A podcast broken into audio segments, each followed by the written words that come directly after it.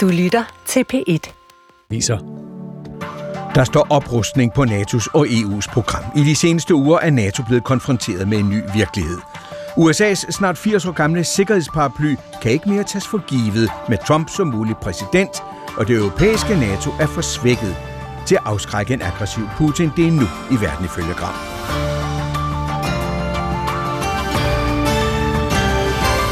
For at sige det meget direkte, vi skal opruste. Vi er i gang med at opruste.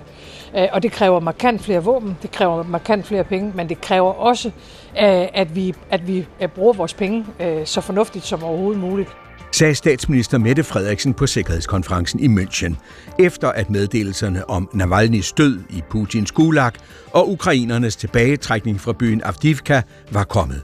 Og Trump havde skabt tvivl om USA's rolle i NATO. Sikkerhedskonferencen i München blev et wake-up call til Europa, der rejste spørgsmålet, om Europa kan forsvare sig selv mod Putin uden amerikansk hjælp. Om den hjælp kommer er uvis, og præsident Biden lægger skylden direkte på republikanerne for, at amerikansk hjælp til Ukraine er strandet i repræsentanternes hus. It's about time we make sure that Congress så det er på tide, at vi sørger for, at kongressen vedtager lovgivningen om finansiering af NATO. Det er kritisk. Vores sikkerhed afhænger af det.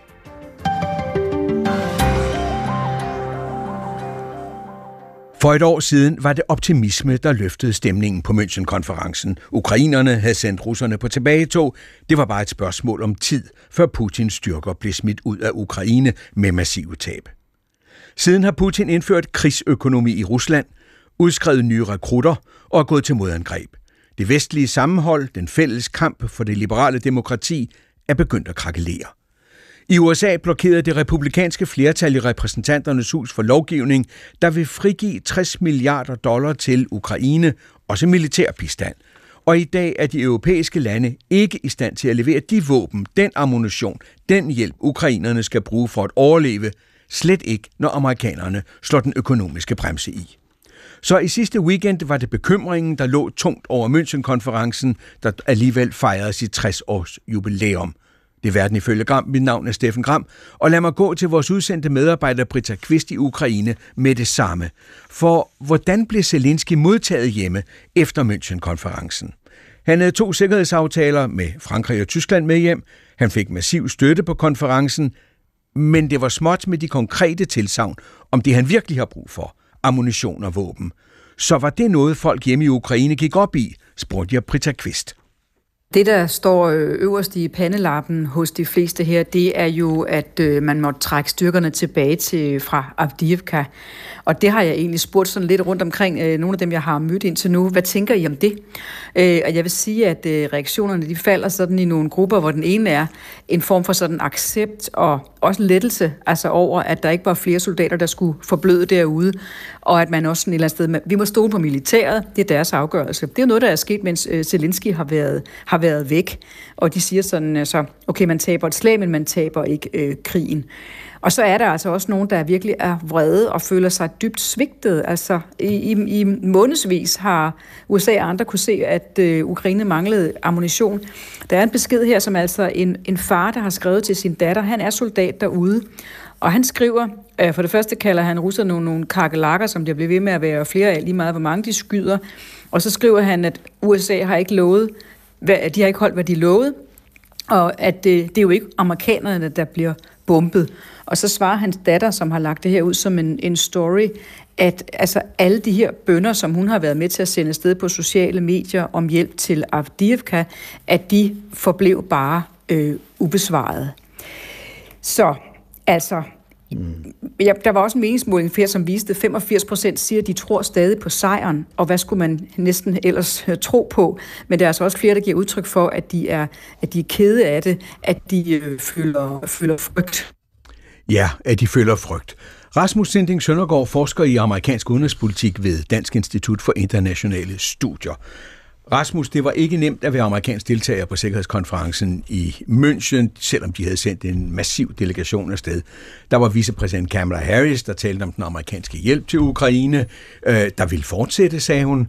Republikanske senatorer talte om, at demokrati tager jo tid. Og så var det hele tiden Trumps skygge, der hvilede over det hele. Kan USA's europæiske allierede fortsat være sikre på, at Europa har en amerikansk allieret?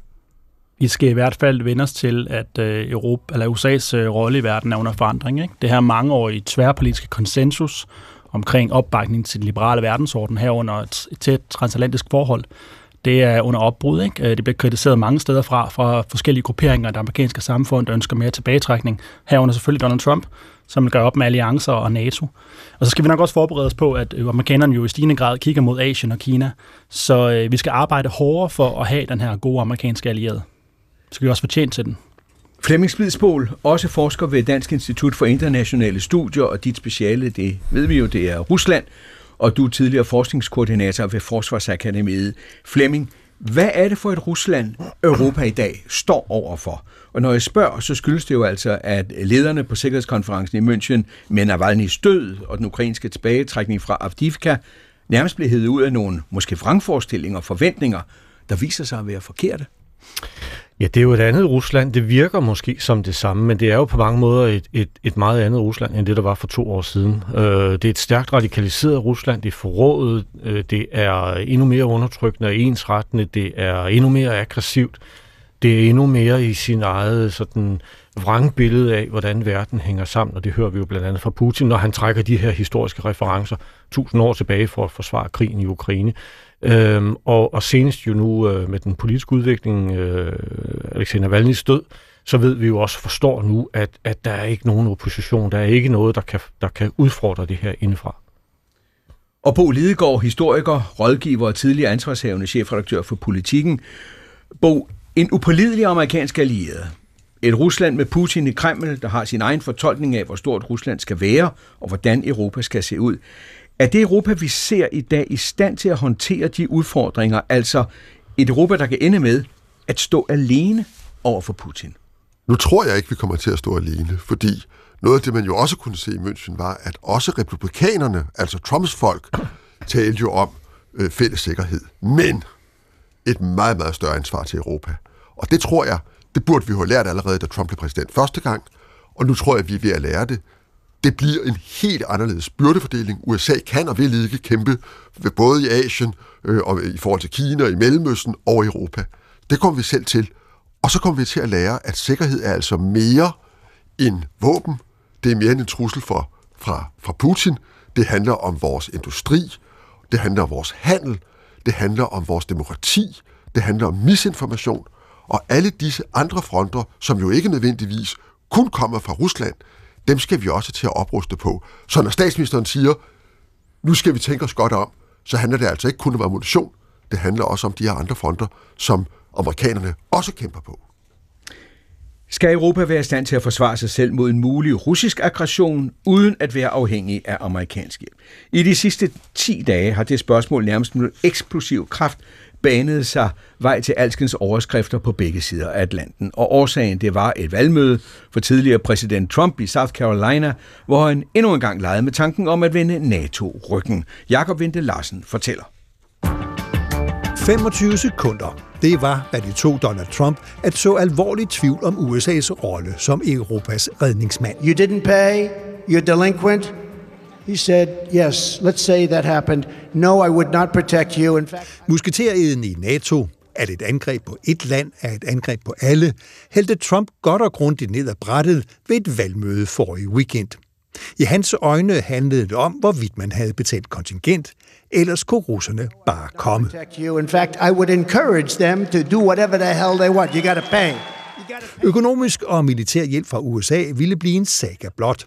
Nu skulle al hjælp erstattes af lån, som skulle betales tilbage, hvis modtageren gik imod USA, skrev Trump på de sociale medier. And that's because the former president has set a dangerous and shockingly, frankly, un-American signal to the world. Det var en helt uamerikansk holdning, lød det fnysende fra Joe Biden. I Europa var overraskelsen nok ikke så stor, for man venter sig alt af Trump, hvis han skulle blive valgt til præsident i november.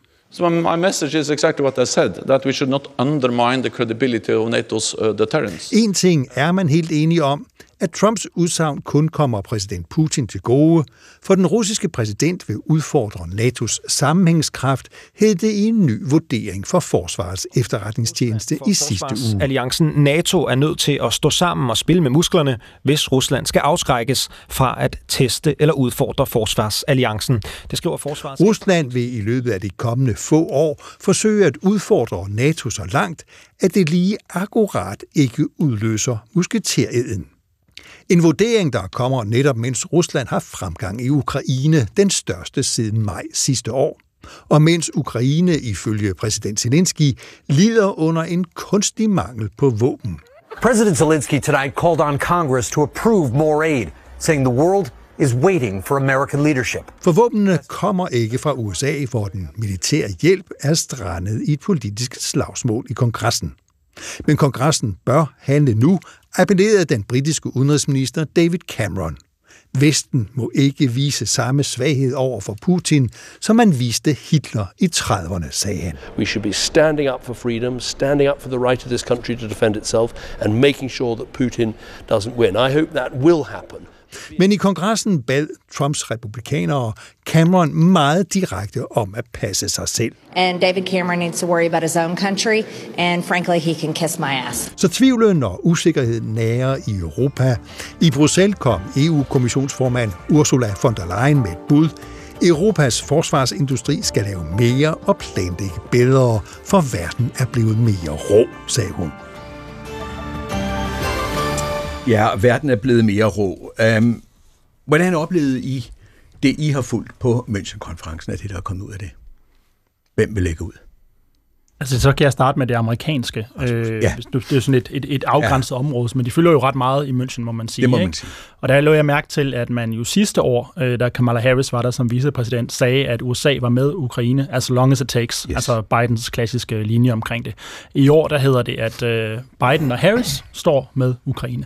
Og det er jo fordi, hun kan ikke love, at USA er med, så long, as long as it takes, fordi at, som vi lige hørte, så er øh, våbnene simpelthen øh, strandet over i repræsentanternes hus i kongressen. Så man kan ikke længere give den samme forsikring. Så derfor så taler amerikanerne, selvom de forsøger at forsikre europæerne om, at man bakker op, så er det med, det, det klinger en smule mere hult. Øh, ja. Man vil gerne tro på det, men man kan ikke love det, man lovede sidste år.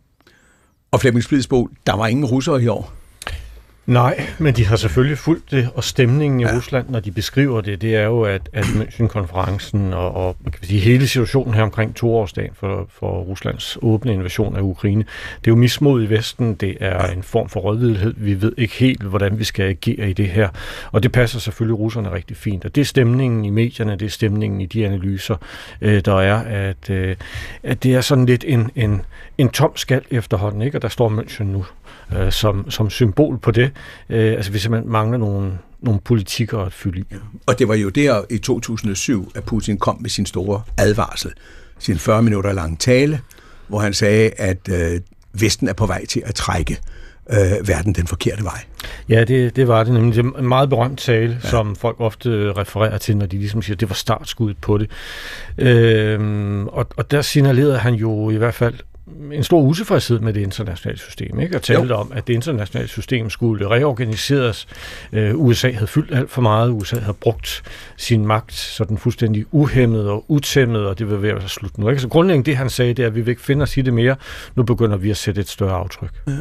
Bo Lidegaard, du sagde for et øjeblik siden, øh, at ja, oprustning, det er det, vi står med, men ikke bare en militær oprustning.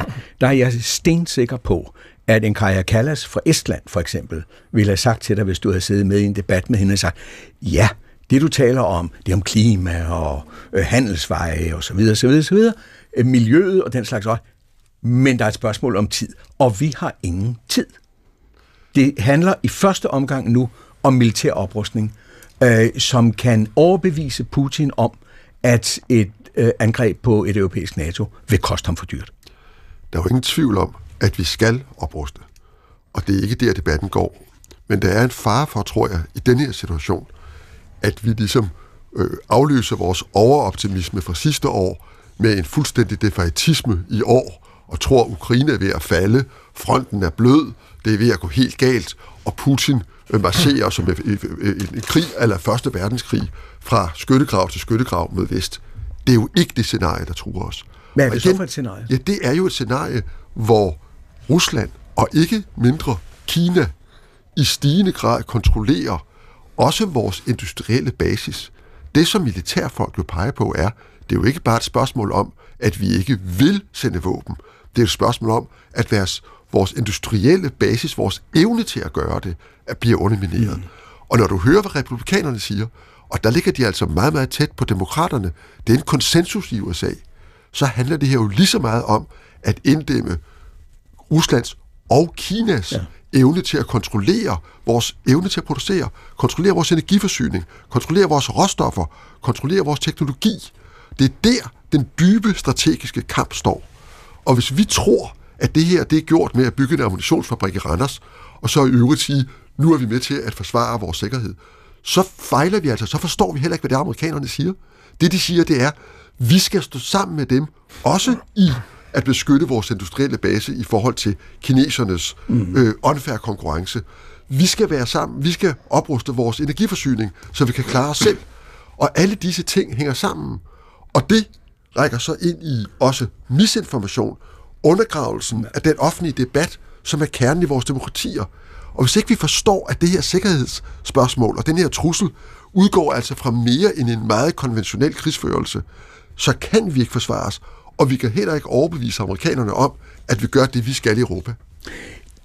Det er måske lidt af det, som øh, den tyske kansler Scholz også var inde på. Lad os lige høre, hvad han sagde på konferencen. Denn unabhängig davon, wie, Russland Krieg in der, wie Russlands Krieg in der Ukraine endet, unabhängig auch davon, wie anstehende Wahlen diesseits... Uanset hvordan Ruslands krig i Ukraine ender, Uanset resultatet af kommende valg på begge sider af Atlanten, er én ting absolut sikker. Vi europæere må selv sørge mere for vores eget forsvar nu og i fremtiden. Sandheden er, at denne krig i Europas midte kræver meget af os. Ja, penge, som vi bruger på sikkerhed nu og i fremtiden, vil mangle andre steder. Det mærker vi. Men jeg vil også sige, at øh, uden sikkerhed er alt andet ligegyldigt. Det er jo spørgsmålet så også, det han siger, det er øh, Rasmus Ending om europæisk sikkerhed. Hvad siger sådan en tale fra lederen af Europa, eller verdens tredje største økonomi nu? Øh, hvad siger den i Washington? Jamen, den fortæller jo i hvert fald, at øh, de europæere, der virkelig betyder noget, er begyndt at have forstået det amerikanske budskab, som jo er blevet leveret i mange år, om at Europa selv skal til at gøre mere for egen sikkerhed. Øh, jeg vil også godt lige knytte en kommentar til den der delegation, man har afsted, ikke? fordi ja. at tidligere plejede det jo, det er meget interessant i forhold til at forstå, hvor udviklingen er i det republikanske parti. Øh, tidligere var det jo Lindsey Graham, der ofte var den republikanske formand for den delegation. Han sagde nej tak i år, fordi Donald Trump havde fortalt ham, at det var ikke nogen god idé. For Lindsey Graham er jo blevet trumpist i modsætning til at være den her stærke ja. internationalist, som han var tidligere.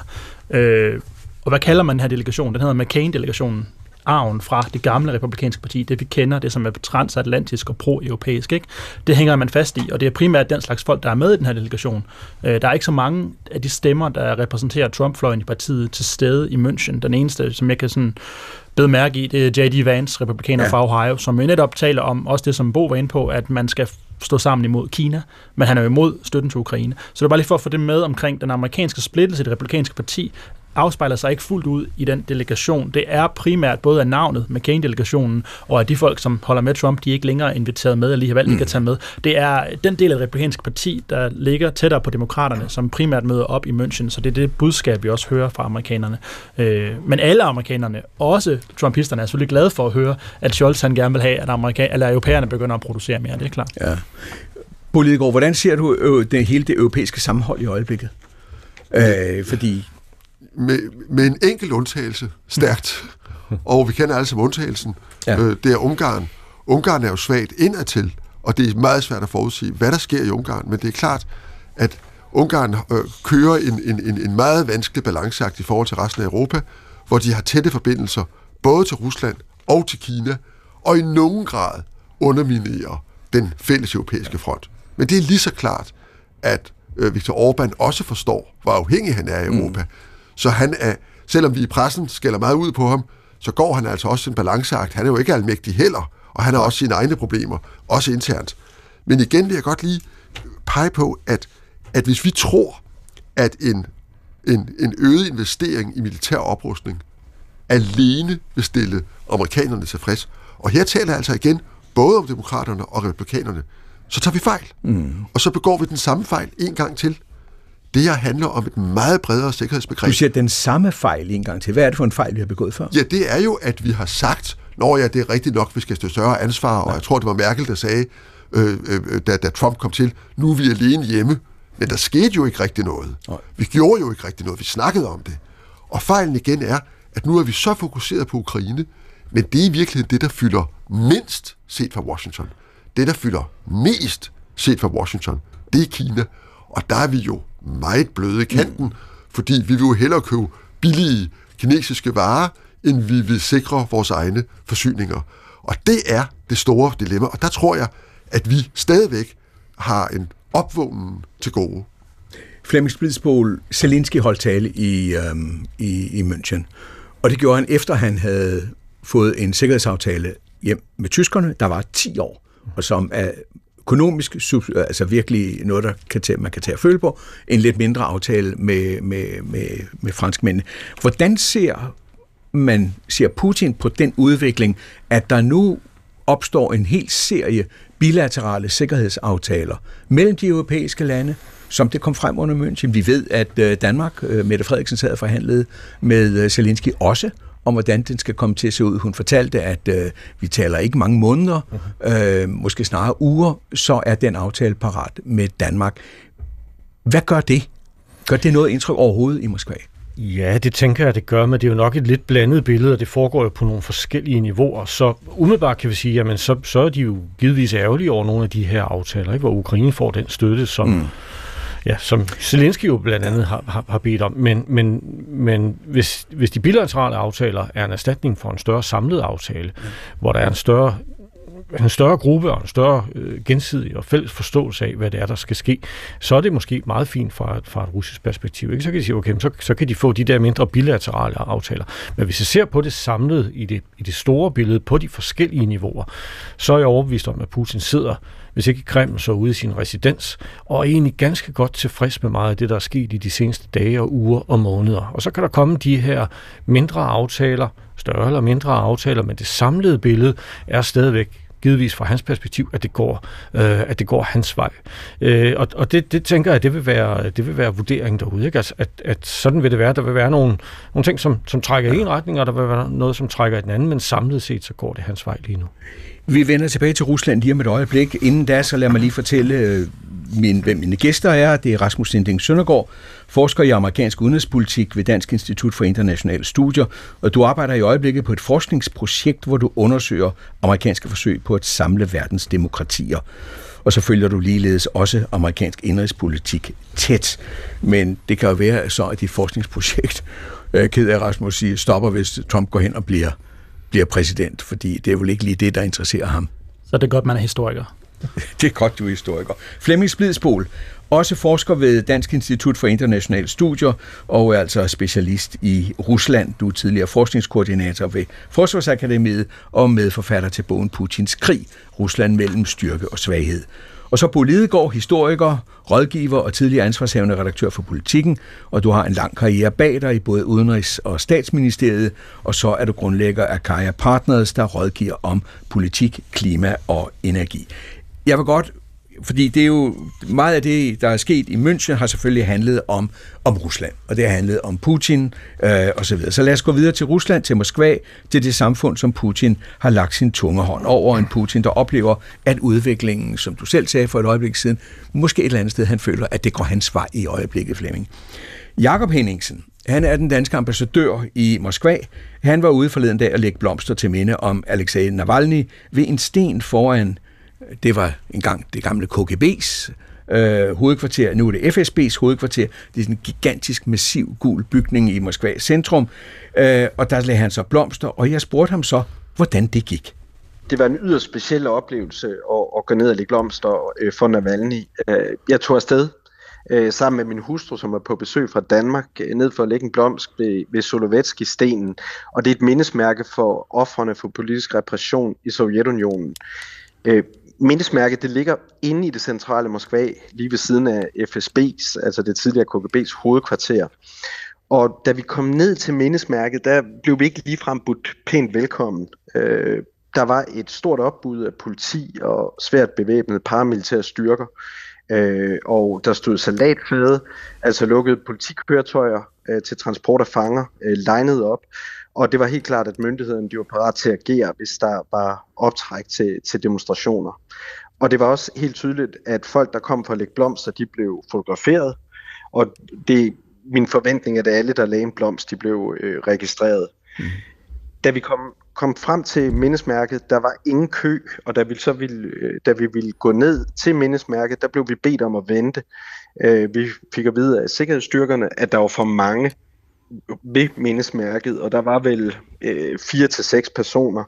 Og det var helt åben lys for mig, at det man ønskede, det var at undgå et hvert optræk til, til større folkemængder, der eventuelt ville kunne øh, lave ballade. Mm.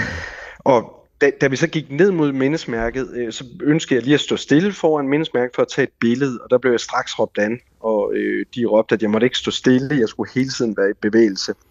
Og igen, da jeg så øh, trådte ud, eller da vi trådte ud øh, fra det her mindesmærke, så stod der igen flere sikkerhedsstyrker, og igen, de skulle sikre sig, at alle, der havde lagt en blomst, de hurtigt forlod stedet. Øh, så det var en, en, øh, en, en øh, lidt hård oplevelse, særligt for min hustru, der på besøg har over midlertidigt. Jeg var ikke selv så overrasket, men det var helt tydeligt, det var hun.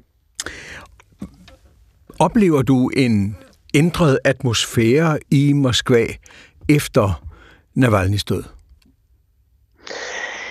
Det, det er ret svært at, at spore en ændret atmosfære internt i Rusland, men det jeg kan se, det er, at i russiske grupperinger uden for Rusland, og, og når jeg ser, tjekker online, så kan du se chok, du kan se frygt, og du kan se en spirende øh, håbløshed. Og jeg vil sige, det er nok i virkeligheden ikke så underligt, at det er svært at opfange øh, ændringer i atmosfæren internt i Rusland. Repressionsapparatet, det, det er voldsomt, og strafferammen er benhård, hvis man træder ved siden af. Altså, et godt eksempel, det er, at kalder man den særlige militære operation i Ukraine øh, for en krig, så er strafferammen op til, til 15 år. Og det betyder, at mange de er politisk apatiske, og man tænker på sig selv og sin familie, og man skal ikke have noget som helst klinket. Og det hjælper selvfølgelig heller ikke her, at, at medierne de øh, ikke må lave baggrundsanalyser om Navalny's død. De må bare konstatere, at han er død. Øh, og det er også forbudt at lave uautoriserede demonstrationer for at vise opbakning øh, til Navalny. Så kontrollen er total, øh, og folk de kan ikke frit ytre sig. Og der blev også lagt et kopi et af stederne for at være Kafkas processen, og der var en kvinde, der sagde, at de var bange for Navalny i fængslet, de er bange for den døde Navalny, øh, nu er de bange for dem, der ligger blomster foran denne sten. Flemming Splidsbol, øh, hvor bekymret er Putin for Navalny selv i døden?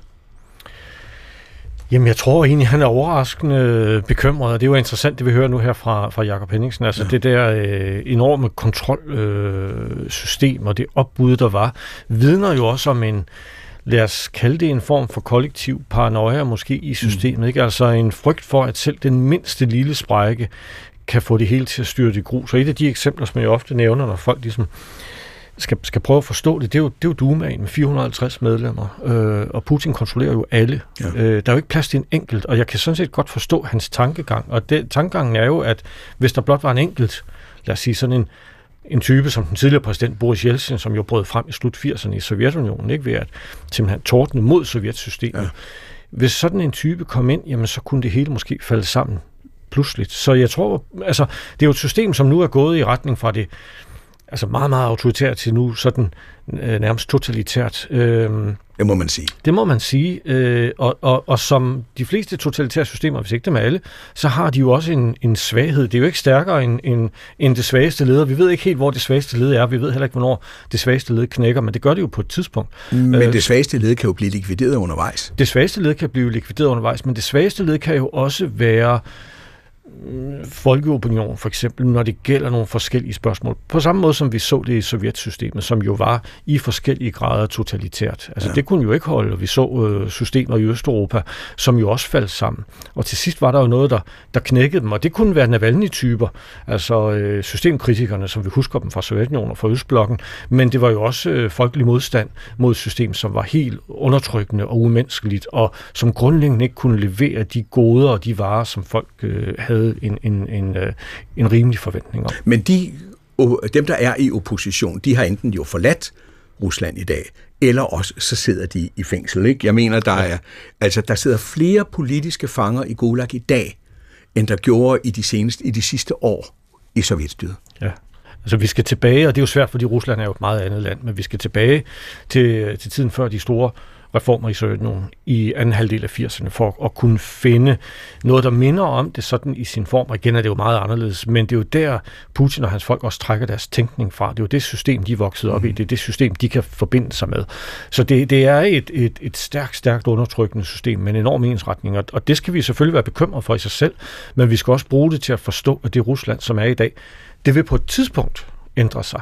Men det vil det ikke gøre lige nu her. Vi er nødt til at forholde os til det, der er, og som udgangspunkt regne med, at, øh, at det vil vare lang tid. Og Putin skal tale lige nu her om, om nogle dage, den 29. februar, vil han levere sin årlige tale til en federal forsamling, og der øh, fortæller medierne allerede nu, at han vil præsentere reformer, som rækker ud over de næste seks år. Det vil sige, at han går jo klar til en præsident øh, periode, som går ud over 30. Ja. Det vil sige, at nu bliver han genvalgt om lidt, så sidder han til 30, og så har han givetvis tænkt sig at tage en periode mere. Ja.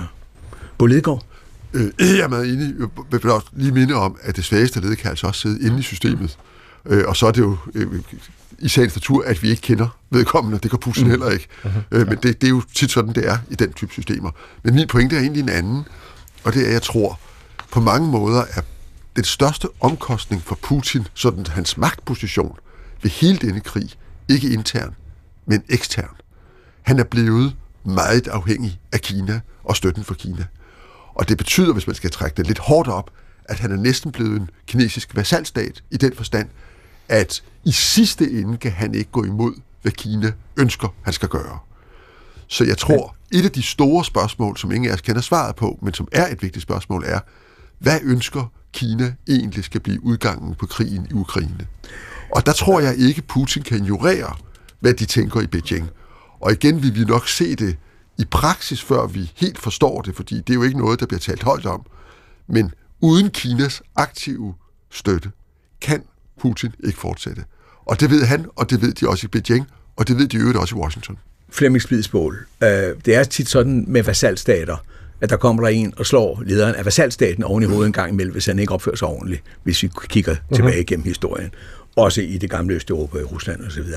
Hvor afhængig er Putin af Xi Jinping. Fordi vi ved, at de har et meget tæt personligt forhold. Øhm, hvad er det dit indtryk af, at Xi dikterer til Rusland? Jeg ved ikke, hvor meget Xi faktisk dikterer, men givetvis jo noget, men har nogle, nogle, nogle klare forventninger øh, om, hvad Putin skal levere. Øh, og det er jo for eksempel adgang til markeder. Det kan være investeringer, det kan være opkøb. Altså det handler jo rigtig meget, og nu taler vi om, om forsyningskæder, vi taler om industri, og vi taler om, altså kineserne vil også gerne have adgang til de her ting. De vil gerne have adgang til energiressourcer. Øh, de vil gerne have adgang det får de til... Også. Det får de også. De vil gerne have adgang til, til industribaser i, i, i, i Rusland. De vil gerne investere, de vil gerne opkøbe, de vil gerne simpelthen spille med de økonomiske muskler og prøve at presse noget ud af det her.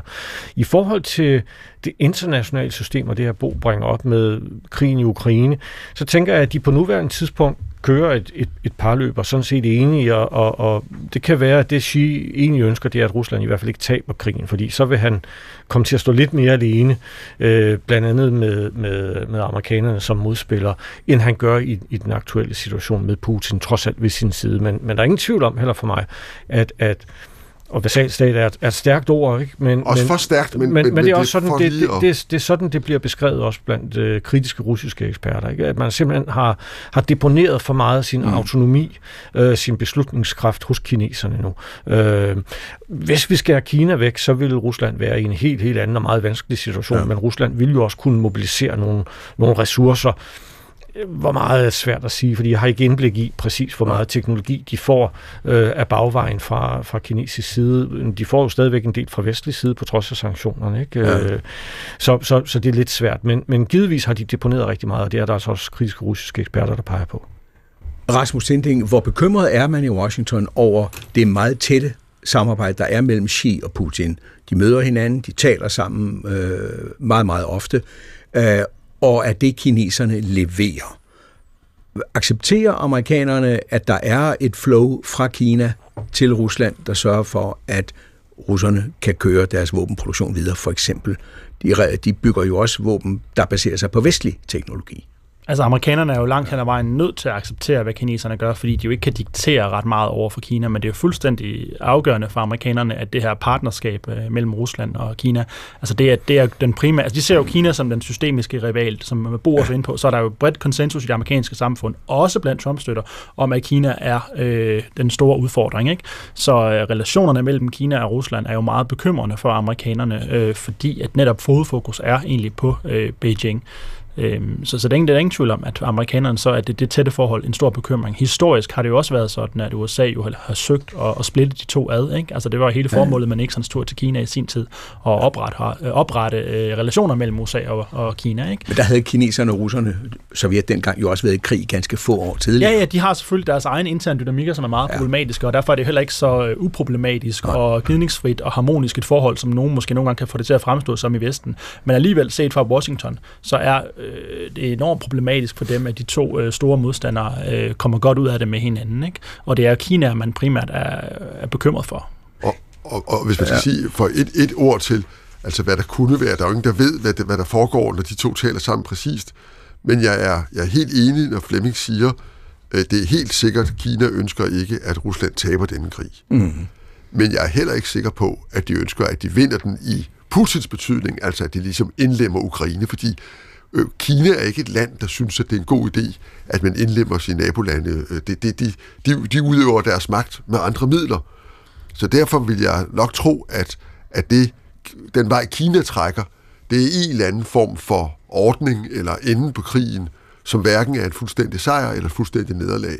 Øhm, og, og det er måske i virkeligheden ikke så forfærdeligt langt fra øh, den amerikanske tankegang. Og så bliver jeg nødt til så at spørge, nu er Navalny øh, øh, omkommet i en fangelejr, og øh, så har Julia Navalny erklæret, at hun vil fortsætte sin mands kamp. Lad os lige høre her.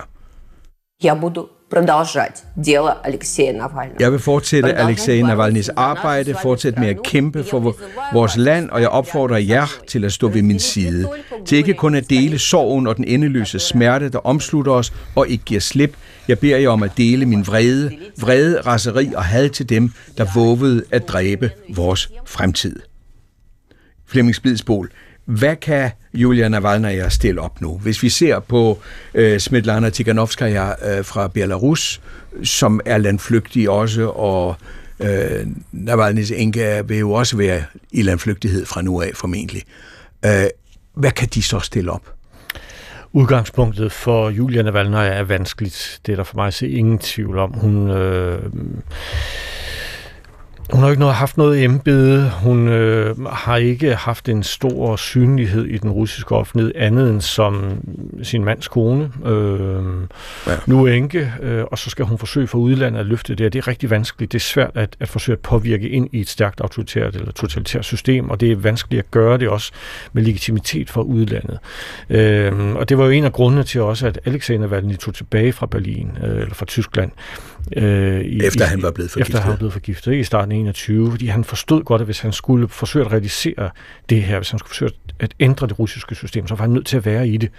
Øh, så det vil være svært. Noget, der taler til hendes fordel, det er, at hun jo pludselig er blevet et stort navn og optræder ja. på de allerstørste scener. Ikke? Altså nyheden om, om Navalny's død kom jo, da hun var på München-konferencen, og efterfølgende mødtes hun jo med EU's udenrigsminister. Og, ja. Så på den måde har hun jo fået en stor en stor platform med det samme. Hun har godt hold omkring sig, øh, og, øh, og der kan måske være øh, nogle bevægelser internt i Rusland, øh, som, som er vanskeligt for os at se, og som vi også hørte det fra ambassadør øh, Jakob Henningsen. Altså, det, mm. det, det er svært at fornemme, hvor det er henne, men måske er der noget. Øh, og, og Navalny vil nok, tænker jeg, det er ikke sikkert, men vil leve videre øh, i Rusland som et symbol på det her, øh, og, og, og blive løftet op som nogle af, af de sovjetiske systemkritikere, som jo også levede videre i lang tid. Lad os gå til den amerikanske side af det her, hvordan man, hvad det er, der foregår i Amerika. Fordi det er ikke sort-hvidt, det er ikke, øh, der er ikke sådan en lige linje i den politiske udvikling i USA. Der er, vi kender Trump, og der er en form for isola- øh, isolationisme, og det er der en gang imellem med perioder, der dukker op i USA. Øhm, så var det interessant, øh, fordi jeg overvejede en af de her debatter øh, i München. Verden er blevet farligere, det sagde senator Pete Ricketts fra Nebraska, øh, som var på konferencen. Han har ikke været senator ret lang tid. Øh, vi har ikke set samme spændinger siden begyndelsen af 90'erne, og det skal vi gøre folk klart, sagde han. Og så fortsatte han. I was talking to a, a mother at my state fair. She said, Senator, I don't want my 18-year-old. Jeg snakkede med en mor på vores lokale dyrskue, og hun sagde, senator, jeg vil ikke have, at min 18-årige søn skal kæmpe i Europa. Og jeg svarede, jamen det er årsagen til, at vi sender våben til Ukraine, så det ikke sker. For hvis Ukraine taber, og Putin invaderer en af vores NATO-allierede, så vil deres 18-årige kæmpe i Europa. Det synspunkt har folk ret, øh, det har de ikke hørt i, ret, i meget lang tid. Vi vil få folk i vores lande til at forstå, at verden er forandret, og at vi må træde til for at bekæmpe disse diktatorer. Kan du udlægge, hvad han siger? Fordi det er jo ikke Trump-linjen, Nej, det er det men det er stadigvæk det republikanske parti, og det er for en konservativ stat som Nebraska. Øh, hvad fortæller det dig? Fortæller det dig, at, øh, at der er politisk uenighed i det republikanske parti om, hvad NATO og hvad Putin egentlig betyder. Jamen det er der, og det ved vi jo, at der er. Altså det har vi jo også målinger, der indikerer, ikke? Altså at man, for eksempel i forhold til, skal man støtte Ukraine, ikke? Øh, som han jo så her i det her tilfælde advokerer for og prøver at forklare til amerikanerne, hvorfor det er i deres interesse at støtte, ikke? Det er der i den brede befolkning, 63 procent, øh, der er enige i. Øh, hvis du kigger på republikanerne, som ikke bryder sig om Trump, så er opbakningen nogenlunde den samme som den brede befolkning. Men hvis du så spørger de såkaldte Trump-republikanere, så er opbakningen til at støtte Ukraine ned omkring 40 procent. Så der er et, øh, et afbræk. Det er stadig mange. Det er, det er stadigvæk mange, men det er jo et mindretal trods alt. Ikke? Øh, og det betyder bare, at, at der er forskel på, at man hører en, øh, en senator som Ricketts her, eller om man hører øh, for eksempel øh, J.D. Vance fra Ohio. Altså ja. der er et, et afbræk indsat i det republikanske parti, som i høj grad er, er drevet af Donald Trump og hans syn på Ukraine og hans syn på NATO, som gør, at republikanerne er en slags intern splittelse omkring den her rolle. Og det, som han udlægger her, det er jo den klassiske forståelse af ja. republikansk internationalisme, at det er i deres øh, interesse at have en stærk alliance i Europa og presse russerne tilbage, og at lige nu kæmper Ukraine på deres og vores vegne, og det skal vi hjælpe dem med. Og hvis man er europæisk leder i dag, så er det jo en som Ricketts, man taler helst med. Ikke? Det er altså, jo da i hvert fald lettest, men man gør måske klogt i at tale med nogle af de andre også, ikke? Ja. fordi altså, de er en voksende gruppe internt i det republikanske parti, øh, drevet selvfølgelig af Donald Trump, men jo ikke kun. Altså, det også, hænger også sammen med, som du selv siger, så har der historisk været en, en bevægelse i retning af noget international, eller undskyld, noget isolationisme. Ikke? Øh, det er ikke altid folk selv bryder sig om at blive kaldt det, men ikke desto mindre, så er der i hvert fald nogen, der ikke kan se fidusen i den her internationale rolle, som USA har haft. Ja. Det var det, jeg talte om i starten med, at der er det her brud med det her konsensus. Ikke? Ja. Og derfor er det måske fornuftigt nok for europæerne at tale øh, endnu mere med de her øh, trumpister inden for det republikanske parti. Det ved jeg også, at man gør. Øh, altså det er jo dem, man skal øh, forstå, hvis man vil forstå det, den udvikling, der sker i partiet. Jeg siger ikke, at det nødvendigvis er dem, der kommer til at komme ud on top øh, på den lange bane, men lige nu er det dem, der har øh, grebet om øh, det republikanske parti i forhold til Trump, men også i stigende grad i repræsentanternes hus, hvilket jo er grunden til, at vi lige nu ikke kan få Ukrainehjælpen igennem huset. Så det, man virkelig taler om i øjeblikket, og det, der bekl- altså virkelig bekymrer alle, det er punkt 1, øh, man er i stand til at blokere den amerikanske del af bistanden til Ukraine. Øh, og der er virkelig brug for den i øjeblikket. Det var det, Zelensky var ude Den anden Øh, det er det, som vi talte om, og vi sad også og talte om det, inden øh, vi gik i luften her med programmet, det er, hvad er det, Put, øh, Trump vil med forholdet til NATO? Hvad er det, han vil? Og dermed, hvad vil han med artikel 5? Øh, Rasmus, hvad vil han med artikel 5? Artikel, ikke partikel, artikel 5. Det han ikke vil i hvert fald, både da han var præsident og nu, det er, at han vil ikke gå ud offentligt og give sin opbakning til artikel 5. Så det Nej. ikke at gøre det, er jo allerede en, altså en signifikant ja. handling, fordi og artikel 5, artikel 5, det er den, der siger, at hvis et land bliver angrebet, så er det hele alliancen, og vi går alle sammen i krig med vejende faner. Den såkaldte musketeriet også, ja. ikke? og det er jo en central præmis i forhold til NATO's øh, formål, og ikke mindst i forhold til at afskrække ja. øh, Putin, som det ser ud lige nu. Så hvad vil han så? Ikke? Det er der jo stor debat om, og der er mange, der erklærer med stor øh, selvsikkerhed, at han vil ud. Og det hører nok til dem, som er lidt mere skeptiske. Altså, mm. det er klart, han siger nogle ting, så spørgsmålet er... Så er du enig med Mette Frederiksen? Ja, altså, Hun siger, at han trækker ikke USA ud. Jeg vil sige det sådan, at jeg vil ikke sige med sikkerhed, om man gør eller ikke gør, fordi vi kan ikke på nuværende tidspunkt afvise, at det er et spørgsmål om forhandlingstaktik og en forhold om at presse. Ikke? Jeg hører til dem, der tror på, at Trump har grundlæggende en form for isolationisme i sig, men han er også den her transaktionsfokuserede øh, præsident, som det handler om at have en god deal. Ikke? Ja. Og hvis han kan lave en god aftale med europæerne, hvor han ikke mindst kan erklære os over for sine vælgere, at han har vundet og fået os til at gøre, som det var, og han er den store, stærke leder, han har banket os på plads, så kan jeg godt se et scenarie, hvor han vælger at blive, fordi han kan erklære det som en sejr, at vi spiller på mm. hans øh, tromme og følger med. Så jeg er ikke overbevist om, at han trækker sig ud. Noget helt andet er, at han kan gøre rigtig mange andre ting, det kan vi komme ja. ind på, som ikke handler om at trække USA ud. Og der er jeg meget mere bekymret. Ikke? Der er jo en ja. lang liste af ting, han kunne gøre. Altså det, som man siger der, kan han overhovedet som præsident trække USA ud af NATO? Og der er hele den debat, der er, ja, øh, senatet godkendte, man gik ind i traktaten, skal senatet også godkende, at man trækker sig ud? Ja. Ikke egentlig, fordi der ligger, men der ligger nu nogle love, øh, som gør, at øh, med, så vidt jeg forstår, at to tredjedels flertal skal nu efter det sidste forsvarsforlig så gå ind og sige ja til at trække USA ud.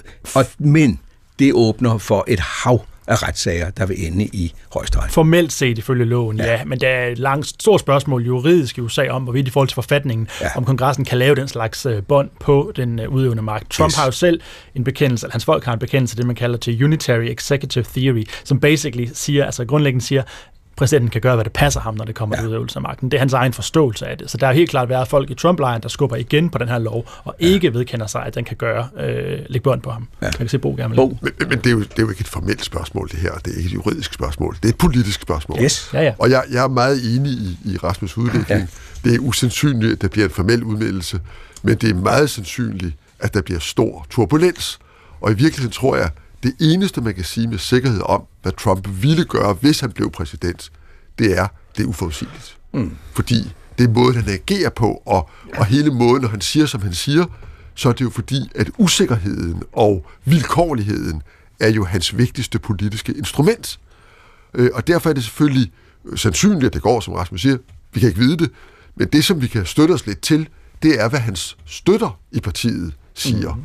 Og det er jo sådan noget transaktionelt. I skal gøre meget mere. Vi skal nok tage hånd om Kina, hvis I jo støtter os på handelspolitikken, og øh, i Mellemøsten, og så må I selv råde med det der Rusland-Ukraine-problem, øh, og nu må I virkelig se at klemme banderne sammen og få noget gjort. Ja. Og det er sådan grundbudskabet, og igen skal man huske, at det er ikke så forskelligt fra, hvad Biden-folkene siger. Øh, og det vi glemmer hele tiden er, at for dem er det, du kan kalde her, den kinesiske front, den vigtige front. Mm. Det er der, den hårde kamp står. Det er der, den svære kamp står. Det er der, den omkostningstunge kamp står.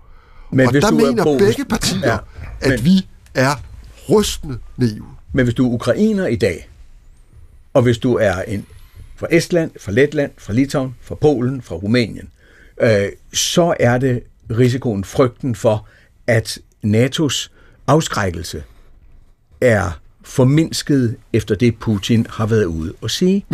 Og at man er vældig bekymret over, at det er noget, som Putin kan udnytte. Der er ingen tvivl om, at NATO's afskrækkelse er svækket. Fordi hele NATO's grundidé er jo denne tro på, mm. at musketeriden virker. Og det er jo ikke et juridisk, man skal hele tiden huske, øh, musketeriden, altså artikel 5, er ikke et juridisk instrument. Der står ikke noget om, hvad man skal gøre. Man siger bare, hvad man kan gøre. At det gør man ikke engang. Man siger bare, at hvis nogen angriber et NATO-land, mm. vil alle andre NATO-lande opfatte det som om, de selv er angrebet. Ja. Og det er jo en meget voldsom ting, og det er klart, at det er så tvivl om det, øh, selv for en, der ikke er præsident, men kan blive det, det er en svækkelse. Og det eneste, der kan styrke det, eller modgå det, det er jo, at det grundlæggende transatlantiske forhold er så stærkt, så omverdenen alligevel kan se, at de tør ikke våge forsøget. Jeg er meget enig i det, Bo han siger, ja. og der vil jeg også bare lige tilføje, at den der debat om, hvorvidt han kan og vil øh, trække USA ud, det er meget mere interessant at se på, hvad kan NATO eller kongressen gøre i forhold til at tvinge Trump til at sende soldater til Estland? Ingenting. Ingenting. Hvis Trump Nej. er præsident, så er det i sidste ende ham, der beslutter det. Og han kan gøre rigtig meget andet, som vi måske skal forholde os til i stedet for os, men mere sådan interessant at kigge på. Ikke? Altså han kan vælge at udlade USA for nogle NATO-øvelser. Han kan ja. vælge at udpege en ambassadør, der ikke er særlig pro-NATO. Det gør man for eksempel i forhold til FN, så udpeger man en ambassadør, der egentlig ikke er særlig velvilligt stillet over for organisationen. Han kan vælge at reducere amerikanske bidrag, både økonomisk og militært. Og han kan ting. vælge at tage til Moskva og tale med Putin ja, bestemt. han kan vælge at lave en aftale med som han har gjort før. Mm-hmm. Ja. Han kan vælge ikke at deltage i topmøderne. Altså, altså være med at sende sin forsvarsminister til forsvarsministermøderne. Sådan nogle ting der, ja. det vil alt sammen underminere Udhule NATO. og- ja. Udhule det indenfra, ikke? Ja. Og lægge mere pres på, at vi skal gøre mere selv. Ikke? Det er sådan nogle ting, der måske er mere interessant at se på, end hvorvidt han formelt set uh, trækker USA ud. Men, men, men, men altså, jeg synes stadigvæk, vi skal, vi skal vi bliver nødt til at holde fast i, at den grundlæggende transatlantiske solidaritet, den taler Vance jo også om. Vance er en af Trumps øh, øh, trostøtter ja. i, i partiet. Ja. Og den bekræftede han også i München. Mm. Ja. Men det han siger er, I skal stå for fronten i Europa, som er den lette front. Vi står for fronten ude i verden, men I skal være med os i den store kamp mod den strategiske trussel. Og derfor er budskabet også til vores baltiske venner, ja, truslen for jer er meget umiddelbart Rusland, men hvis vi skal holde sammen på det transatlantiske forhold, så bliver vi, EU, vi Europa, nødt til at forstå hele sikkerhedsbilledet globalt, og ikke kun begrave os i det, der er allernærmest ved os. Så lad os lige høre, hvad Mette Frederiksen sagde en gang til, fordi det matcher jo rigtig godt ind i den kontekst, som du taler om, Bo. For at sige det meget direkte, vi skal opruste. Vi er i gang med at opruste. Øh, Og det kræver markant flere våben, det kræver markant flere penge, men det kræver også, øh, at vi, at vi øh, bruger vores penge så fornuftigt som overhovedet muligt. Og, og den der tanke om, at vi ikke skal have alle mulige våbensystemer i Europa, men vi skal blive mere integreret i hinanden, det mener jeg entydigt er den rigtige vej at gå. Og vil det sige, at vi kommer til at se med afsæt i det, med afsæt i, hvad Ursula von der Leyen sagde, både før og under konferencen, en ny, anderledes, gradvis samkøring af EU plus NATO, det er lige magt, det er lige oprustning, som man finansierer sammen og standardiserer sammen. Hvis du spørger mig, ja. ikke, ikke et entydigt ja til det spørgsmål. Øh, Og jeg tror stadigvæk, at der er et stort spørgsmål, om det bliver Europa, øh, om det bliver EU eller NATO. Men mere koordination og mere samordning mellem de nationale europæiske forsvarsbudgetter i rammen af NATO, det tror jeg er helt sikkert. Og lad mig så vende tilbage til det store, lange perspektiv, og nu lader vi lige Kina ligge et øjeblik, men hvad er det, der kommer til at ske i Ukraine? Lad mig vende tilbage til Jakob Henningsen, Danmarks ambassadør i Moskva. Han talte for nylig med en russisk kontakt, der er tæt på Putin, der de talte om krigens faldende, og om hvor længe krigen kan vare. Og Jakob Henningsen sagde, det var ret interessant. Jeg havde en, en samtale med øh, en person, der er øh, relativt tæt på Putin, og han sagde til mig, øh, hvor mange øh, ukrainer og russere er blevet slået ihjel i den her krig, og så sagde jeg, at der er vel slået øh, cirka 150.000 øh, russere ihjel. Det var et stykke tid siden, jeg talte med ham. Så sagde han, ja, det passer meget godt, øh, og lidt flere ukrainere i min optælling.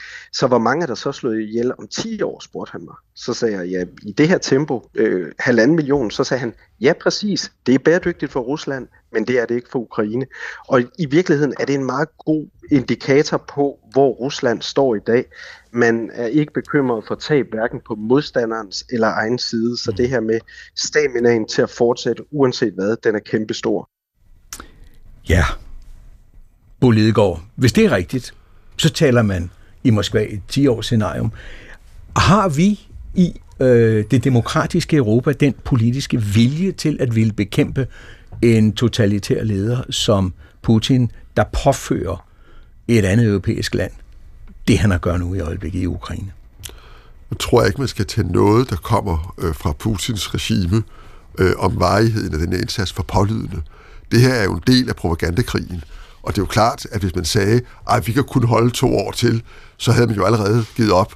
Så det her, det er jo den måde, man signalerer en krig på. Vi vil fortsætte, om det er 10 år eller 20 år. Øh, vi giver aldrig op. Er du enig? Ja, det, det, det er, men det viser selvfølgelig en, en forrådelse, og det viser også noget om den kynisme, der er, men der skal vi jo også huske på, altså når vi taler, bare for at se det perspektiv og prøve at, at beskrive, hvor vanskeligt det er for os at for, forsøge at forstå i dag, hvor det russiske samfund er henne. Hvis vi taler om halvanden million tabte russiske soldater, nu lavede jeg lige hovedregningen, så er det jo 100 gange så meget, som Sovjetunionen tabte i Afghanistan på ni år. Ja. Og, og det var en national katastrofe for Sovjetunionen. Så det vil sige, hvis der sidder en tæt på Putin og tænker, vi er, kan godt klare 1,5 millioner dræbte, det er bæredygtigt for os, så vil jeg nok betvivle det. Men, øh, men det er klart, der hvor Rusland er i dag, med de tab, der allerede har været, så er det en enorm forrådelse, det er en enorm kynisme, og det er et enormt undertrykkende og kontrollerende samfund, hvor der slet ikke er nogen modstand mod det her. I hvert fald ikke offentligt. Og Rasmus Sinding, hvor er det transatlantiske forhold henne hvis vi ser 10 år frem med en konflikt kørende som det her? Ah, det er meget svært at svare på meget kort, men som jeg ja. sagde indledningsvis, vil jeg bare sige, at som, øh, og som Boris lægger op til i forhold til USA's fokus på Kina, så tror jeg, at vi i Europa skal spille en mere aktiv rolle for at få det transatlantiske forhold til at fungere, for amerikanerne tager. Vi kan ikke tage dem for givet på samme måde. Det var dagens Verden ifølge Gram. Tak til mine gæster Rasmus Sinding Søndergaard, Flemming Splidsbol og Bo Lidegaard. Jakob Vente Larsen og Victoria Julie Skov var med i redaktionen af dagens program, og det var Thorsten Christiansen, der fik sendt ordene ud i æderen. Send både ris og ros til vores forslag til nye programmer til gramsnabelag.dr.dk. Og fik ikke det hele med, klik ind på DR Lyd, find programmet og lyt. Vi er tilbage næste uge på Genhør. Gå på opdagelse i alle DR's podcast og radioprogrammer. I appen DR Lyd.